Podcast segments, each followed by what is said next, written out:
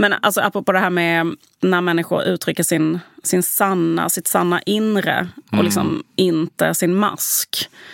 Att den masken som man håller upp, om man säger så, liksom att eh, det finns en mask och sen finns ett autentiskt jag bakom den masken. Men han, han, han pratar om det att liksom masken är mer sann än det som finns bakom masken.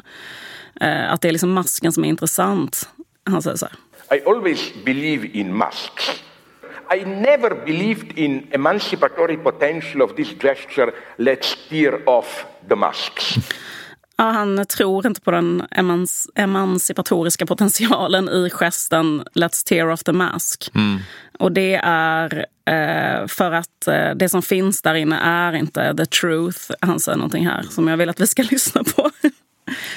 I think that our inner truth, when you really open up yourself, you know, this pathetic moment, this is what I am, these are my dreams, my deepest fears, desires, then you really lie.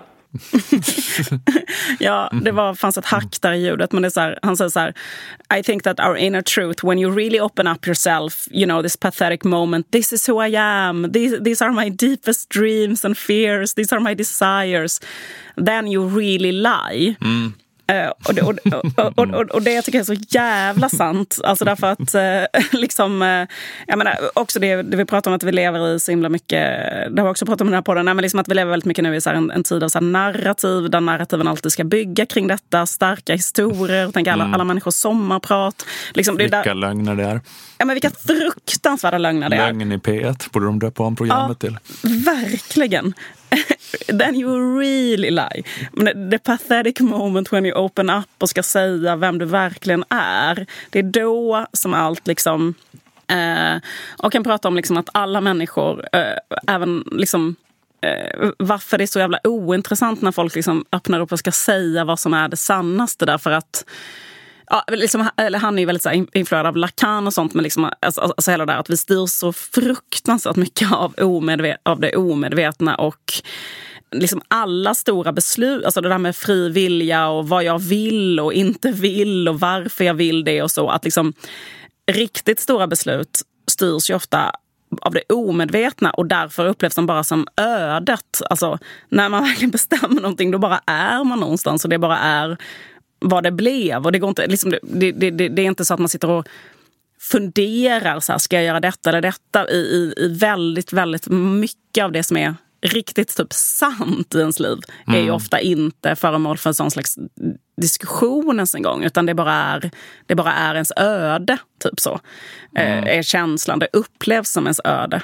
Men i alla fall, eh, vi, vi fortsätter att höra honom snacka skit om människor som eh, eh, pratar om sin inre sanning. Och eh, han pratar om, om eh, även människor som gör fruktansvärda saker har säkert en inre sanning. Even the greatest criminals, Hitler and Stalin, börjar han här. What I always fascinated me is how, if you take even the greatest criminals, Hitler, Stalin, whatever, murderers, I'm quite sure that each of them will be able to tell you a very authentic inner story and so on.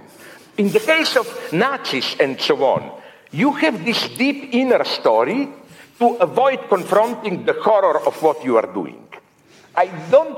I think if some Nazi executioner were start to tell you about his inner experience, I would say, "I'm not. Your truth is outside. Your truth is truth is what you did there in the camp. I'm not interested in your inner story." Ja, och nu ska vi lyssna på det sista, för det här tycker jag är så jävla bra mening. Den här meningen vill jag brodera och hänga upp en liten eh, skylt hemma. Okej, det här var ett litet utdrag. Köp en prenumeration för 29 kronor i månaden på underproduktion.se stormens utveckling om du vill höra detta avsnitt. Plus alla tidigare prenumerantavsnitt, plus alla kommande. På underproduktion finns också instruktioner om hur du lägger in prenumerationsfeeden av Stormens utveckling i din poddapp, vilket är att föredra för smidigt lyssnande, även om det såklart går att lyssna direkt på webben också. Och när du har klistrat in din premiumfeed i till exempel podcaster, Eh, om du har en iPhone, eh, så får du upp en feed som inte heter gratisfeeden inom parentes, utan den heter bara Stormens utveckling. Och i den feeden finns då alla avsnitt av Stormens utveckling, inklusive gratisavsnitten. Så du behöver endast eh, den feeden då.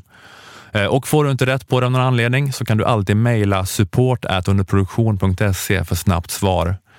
Och på underproduktion finns också möjlighet att köpa ett årskort på Stormens utveckling. Eh, antingen till dig själv om du av någon anledning inte gillar månadsprenumeration eller så kan du ge bort det i present till någon.